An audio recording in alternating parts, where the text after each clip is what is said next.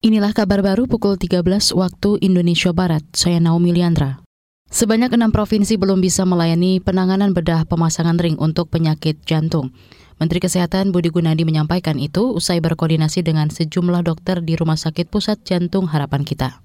Enam provinsi itu antara lain Bangka Belitung, Sulawesi Barat, Maluku Utara, Maluku Selatan, Papua, dan Papua Barat. Kenapa nggak bisa? Oh karena butuh cath lab 15 miliar. Anggaran kita kan hampir 100 triliun. 6 provinsi kali 15, 90 miliar kita beli deh. 6 bulan diberesin. Terus saya dokternya pucat bukannya. Eh alatnya cuma 90 miliar. Tapi masing-masing set alat butuh dokter spesialis 4. Pak. Ada interventionist, ada spesialis jantung, ada spesialis anestesi. Terus, ah itunya nggak ada juga Pak. Oh ya, itu kejarnya gimana? Bisa nggak 6 bulan jadi? Nggak bisa Pak, 4 tahun. Aku udah mati kadang-kadang garu-garu kepala. Kita ngapain aja ini 30 tahun yang lalu. Menteri Kesehatan Budi Gunadi Sadikin mengatakan penyakit jantung merupakan penyakit yang paling banyak menimbulkan korban jiwa di Indonesia. Budi menargetkan semua provinsi harus bisa memberikan layanan utama bedah jantung pada dua tahun mendatang, sehingga pasien jantung tidak perlu dirujuk ke tempat jauh. Seluruh dana tanggung jawab sosial perusahaan CSR di Kalimantan Timur akan dialihkan untuk pembangunan rumah layak huni. Proses peletakan batu pertama pembangunan rumah layak huni sudah dilakukan di kota Balikpapan Senin kemarin. Gubernur Kalimantan Timur Isra Nur memperkirakan dana CSR yang mencapai 500 miliar rupiah bisa untuk membangun 35 ribu rumah layak huni.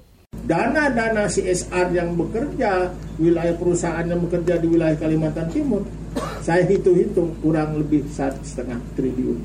500 miliar saya itu itu kalau itu mau dibangunkan ke rumah layak huni ada berapa ribu orang yang bisa dibangunkan rumah layak dan saya sudah meminta kepada seluruh perusahaan-perusahaan untuk tahun 2022 2023 dana CSR dihentikan untuk kepentingan lainnya Gubernur Kalimantan Timur Isra Nur berharap pembangunan rumah layak huni bisa menekan angka kemiskinan sekitar 2 persen dari angka saat ini, yakni 6,3 persen.